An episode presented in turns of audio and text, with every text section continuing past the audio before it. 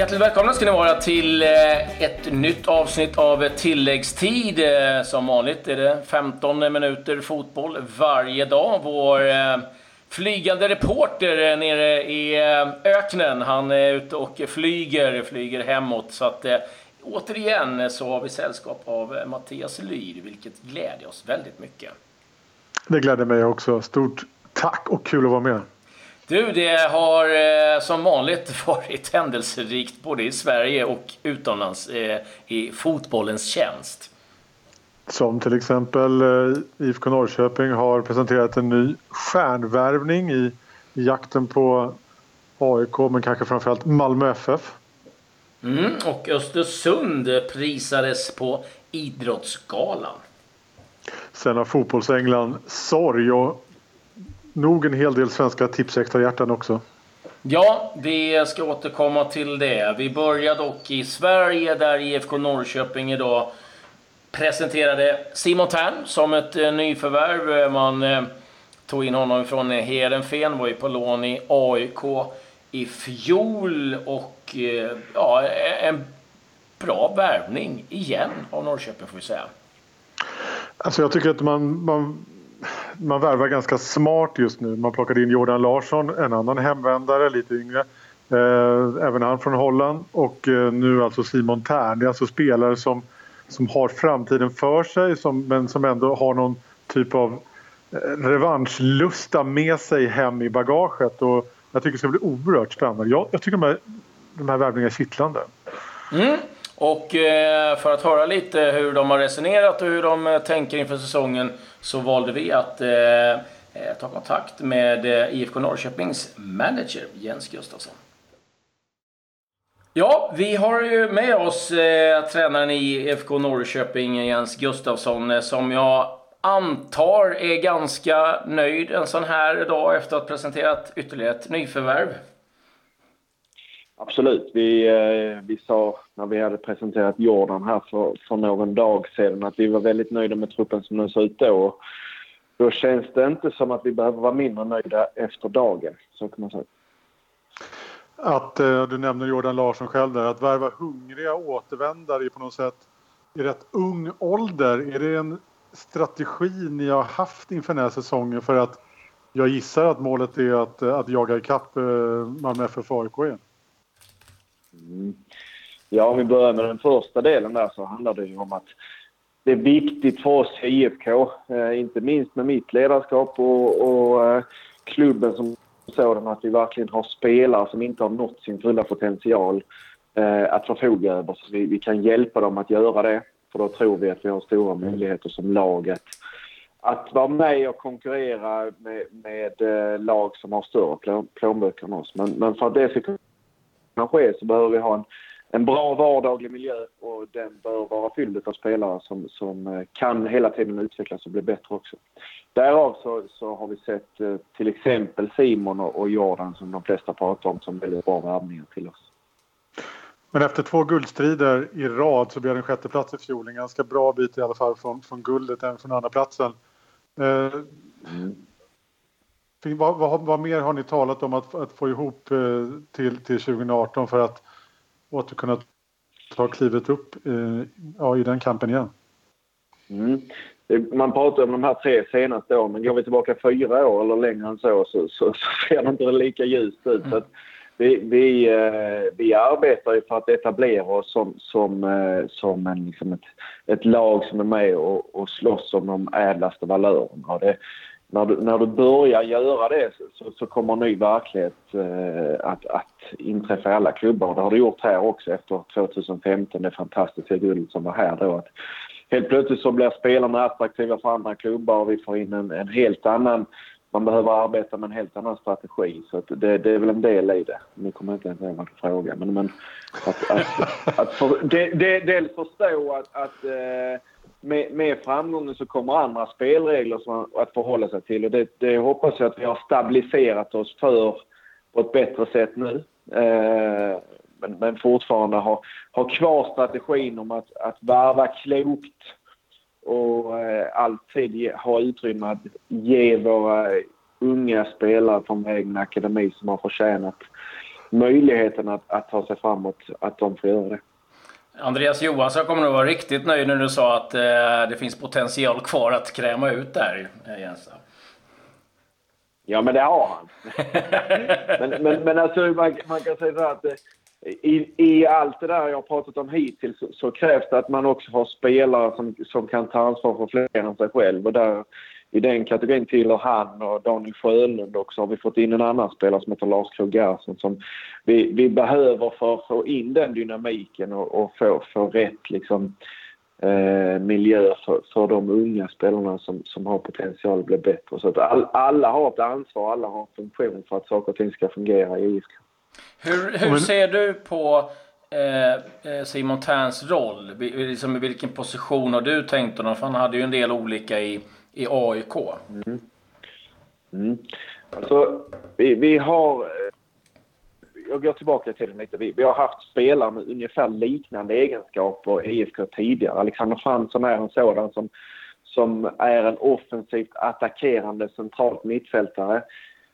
En annan som vi hade allt för kort tid om du frågar mig är Tesfalle Teki som, som lämnade oss vid den här tiden förra året och nu är tillbaks i Östersund som, som hade de egenskaperna. Så, eh, dels så jobbar vi för att utbilda de spelarna som, som, som kan eh, vara den attackerande fältaren och eh, om, om vi inte klarar av det så, så behöver vi rekrytera dem och Simon har definitivt de egenskaperna. Så att en attackerande offensiv mittfältare som, som eh, som klarar att slå ut sin, sin, sin motståndare centralt också. Som, som har ett hotande passningsspel och kreativ också för den delen. Så vi, vi ser de egenskaperna hos Simon som, som vi har letat efter en längre tid.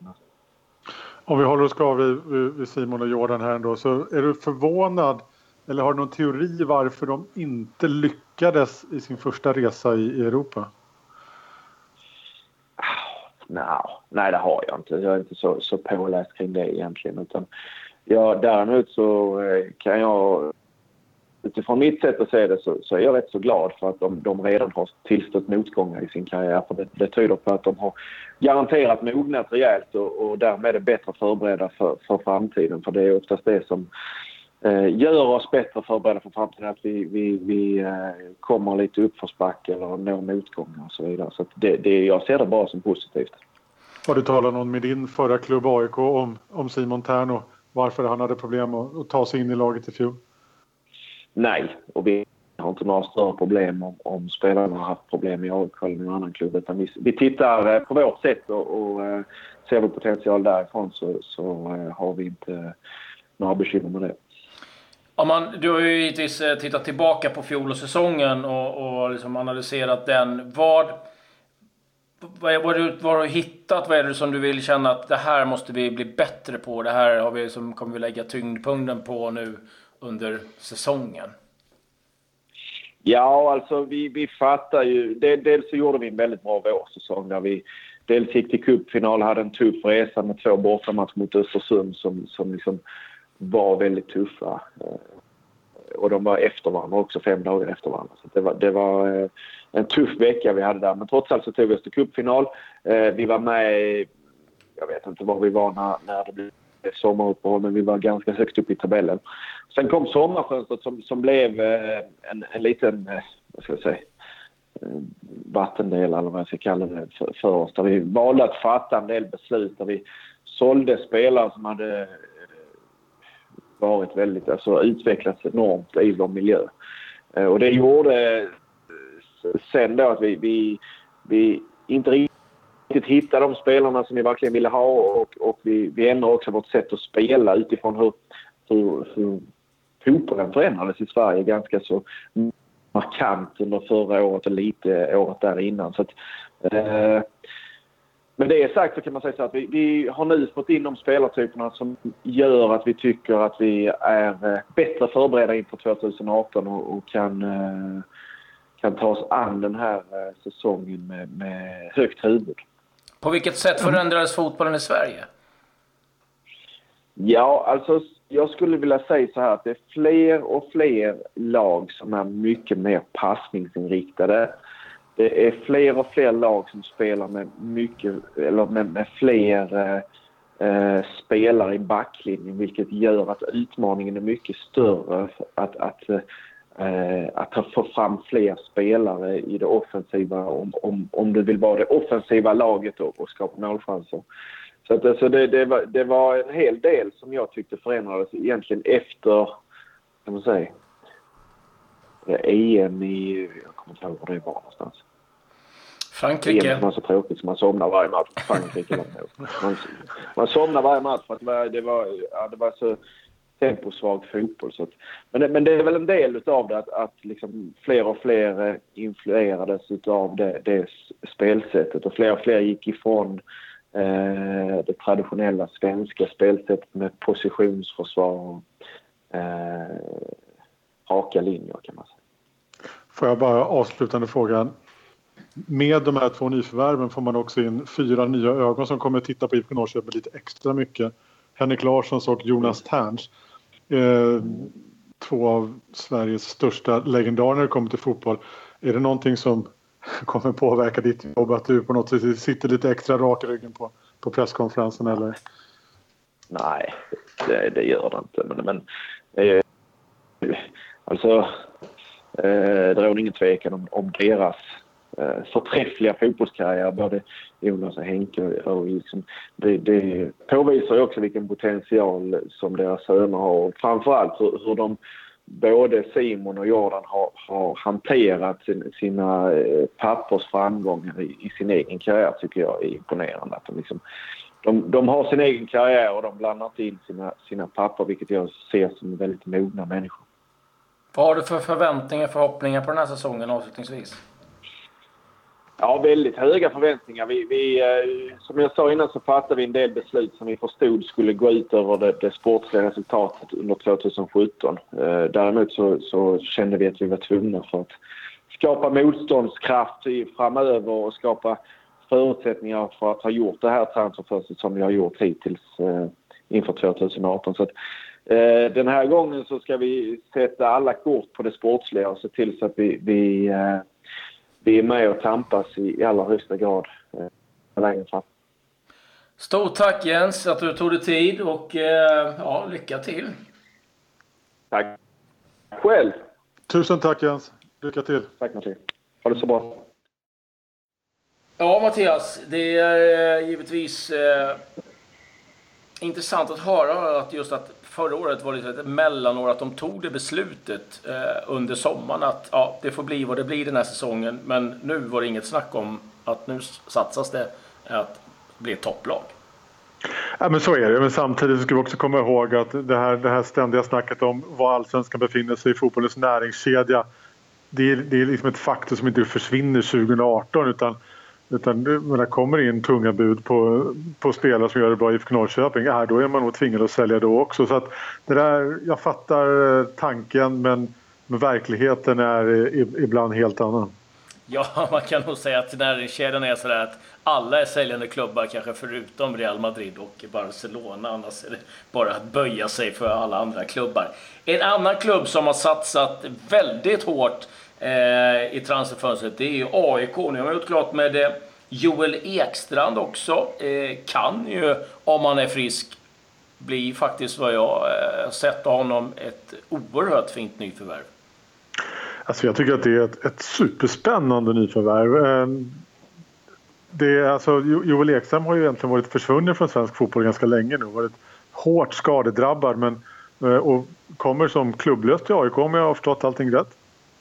Ja, han, eh, ja, han har ju tillhört... Eh, eh, ska vi se, han kom väl senast ifrån Rotherham. Rotherham, där. Han varit i Watford, ja. Bristol City. Var ju en period i Udinese. Det var ju dit han hamnade efter han såldes eh, från Helsingborg 2011. Kommer ju som eh, bossman och eh, kom alltså gratis för AIK. Det är ju alltid trevligt. Det är trevligt, men AIK gör ju en monumental satsning på att, eh, vi pratar med Norrköping, försöker, försöker liksom jaga ifatt Malmö FF. AIKs satsning så här långt är ju Enok Kofi Adu, målvakten Budimir Janosevic, eh, en ytterback Robert Lundström, eller wingback som det heter, Stefan Silva. Alla de här är värvade redan. Joel Ekstrand kommer nu och så väntar vi bara på Tarik Elionossi. Eh, norska målgöraren. Mm. Så att äh, AIK tar inga fångar i sin silly season. Nej, de som har det lite jobbigare är IFK Göteborg som eh, sliter med att eh, få in spelare, tappar spelare. Vi såg Sören Riks eh, gick till Malmö FF. Nu är det klart att John Alvbåge lämnar. Han drar till Cypern. Och Monia Nicosia. Så det ska bli spännande att följa John där på ett litet nytt äventyr. Sen lite förvånande att eh, BP's eh, anfallare Kevin Cabron, säger jag. Cabran, ja. Cabran, ja. Eh, valde IK Start. Ja, det, jag gissar att det, är, att det är pengarna som, som spelar in. Jag, jag ska ärligt säga att jag, jag har inte 100% i koll på Cabran. Jag vet att han har gjort det bra eh, i BP i år. Eh, men det är klart att det, att det hade varit kul att se honom i en allsvensk klubb. Östersund snackades ju om, blev inte. Nej, eh, så blev det inte. Däremot så kunde Östersund eh, få lite priser på Idrottsgalan. Eh, Potter blev eh, bland annat årets ledare och eh, Östersund fick också pris som årets överraskning va? Ja, årets prestation till och med. Och, det, och eh, man kan ju faktiskt stämma in i, fortsätta stämma in den i hyllningskören. Potter tycker jag verkligen var värd Årets prestation. Ah, det fanns några där andra som kunde vara med och tävla men jag kommer inte säga, säga emot uh, uh, juryn den här gången. Nej, det var stor slam för Östersund FK på, i Globen. Mm. Eh, vi eh, ska givetvis eh, berätta lite hur det gått i eh, de matcher som spelades. Manchester United mot Stoke. Där blev det en eh, komfortabel 3-0-seger för Manchester United. Valencia, Martial, Lukaku målskyttar. Värt att notera ifrån den matchen att Stoke blev det första laget i toppligan att släppa in 50 mål under den här gångna säsongen. Så den nya managern Paul Lambert som blev klar idag har lite att jobba med vad det gäller försvarsspelet. För det är eh, rent ut sagt bedrövligt hos eh, Stoke. Men en ny seger för United och jag tror att eh, förutom eh, de där poängen så är nog eh, man väldigt glad över att Lukaku hittade målet igen. Och mer från England med lite mer eller inte lite, utan väldigt mycket mer eh, sorglig aspekt, det är ju att en, en riktigt fin spelare har lämnat oss. Cyril Regis, West Bromwich, eh, dog bara 59 år gammal. Alltså för mig var Cyril Regis, när man, vi som började titta på Tips Extra, eller jag som började, började titta på Tips Extra i slutet av 70-talet, början av 80-talet han var ju något av en Tipsextra-kung, en, en bjässe, en målskytt men också en fantastisk spelare. En, en, en pionjär också tillsammans med lagkamraten Laurie Cunningham. De två var två av de tre första färgade spelarna i engelska landslaget. Eh, Cyril Regis var bara den tredje svarta spelaren att representera landslaget när han, när han gjorde debut. Eh, oerhört eh, sorgligt, lite alldeles för tidigt givetvis. Mm. Eh, och eh, vi sörjer med England. Ja, eh, spelade i West Bromwich, Coventry, Aston Villa bland annat. Fem landskamper, vann FA-cupen 1987 och eh, du var inne på det att eh, och, och, man har sett eh, hyllningarna från många av svarta spelarna i, i England att eh, vad oerhört mycket han betydde för eh, för deras del. Jag såg en intervju med eh, Brian Dean. Han bröt ihop under intervjun och satt och grät. Och, Eh, Eh, då förstod man liksom verkligen vad, vad, vad de spelarna betydde. Eh, för det var en enorm eh, eh rasism de fick utstå. Så att, en, en stor man på alla sätt som har lämnat Cyril Regis och riktigt tråkigt besked. Vi kan väl langa in också i lite, lite mer muntert kanske det är att den franske domaren Tony Chapran som klippte Nans Diego Carlos i matchen mot PSG Eh, när, efter att Diego Carlos hade råkat fälla domaren i slutminuterna under en omställning. Eh, den, eh, Tony Chaperon, domaren, är avstängd tills vidare. Han missar ligamatchen nu i veckan här efter den ja, den är skön. Den ja, är galen. Ja, den, ja. den är magisk. Och det bästa, första förklaringen han hade till en spelare var att han halkade. ja. Den har han väl dragit tillbaka. Vi ska avsluta lite grann med eh, övriga eh, nyheter. Det är så att Phil Neville är nu väldigt nära, enligt uppgift i England, att ta över det engelska damlandslaget som har varit eh, utan eh, förbundskapten en period. Tim Cahill är på väg tillbaka till Millwall där han eh, spenderat på säsonger tidigare. Han är 38 år gammal, är klubblös och eh, hoppas eh, på att kunna slå sig in i Australiens VM-trupp. Så det ska bli intressant att se. Och eh, lite övrigt, Osman eh, Dembélé skadad igen. Barcelona, man eh, pungar ut ungefär 97, eller 95 miljoner pund. Och eh, nu beräknas han vara borta 3-4 veckor till. Mycket oflyt för eh, Dembélé. Och eh, lite uppgifter från Italien snabbt. Gianluigi Buffon Eh, säger Pavel Nedved har inte officiellt gått ut och sagt att han ska avsluta karriären. Det beslutet tar han tillsammans med vår president Agnelli. Så en liten, liten öppning för att eh, Buffon kan fortsätta. Det vore något. Jag måste bara säga att jag tycker Tim Cahill det är en av mina absoluta favoriter all time kan jag säga. Jag tycker det var en grym spelare som gjorde som var... Jag vet inte, han utnyttjade precis allt det han hade till det yttersta. Eller utnyttjar, ska jag säga nu. Han är inte slutat. Ja, och utnyttjar januarifönstret och har klubbarna runt om i Europa gjort. Det ska avsluta eh, 205 övergångar skett så här långt i januari. Topp 5-ligorna till en kostnad på 348 miljoner pund. Vem sa att det saknades pengar i fotbollen? Adjö, adjö. Boom shakalak.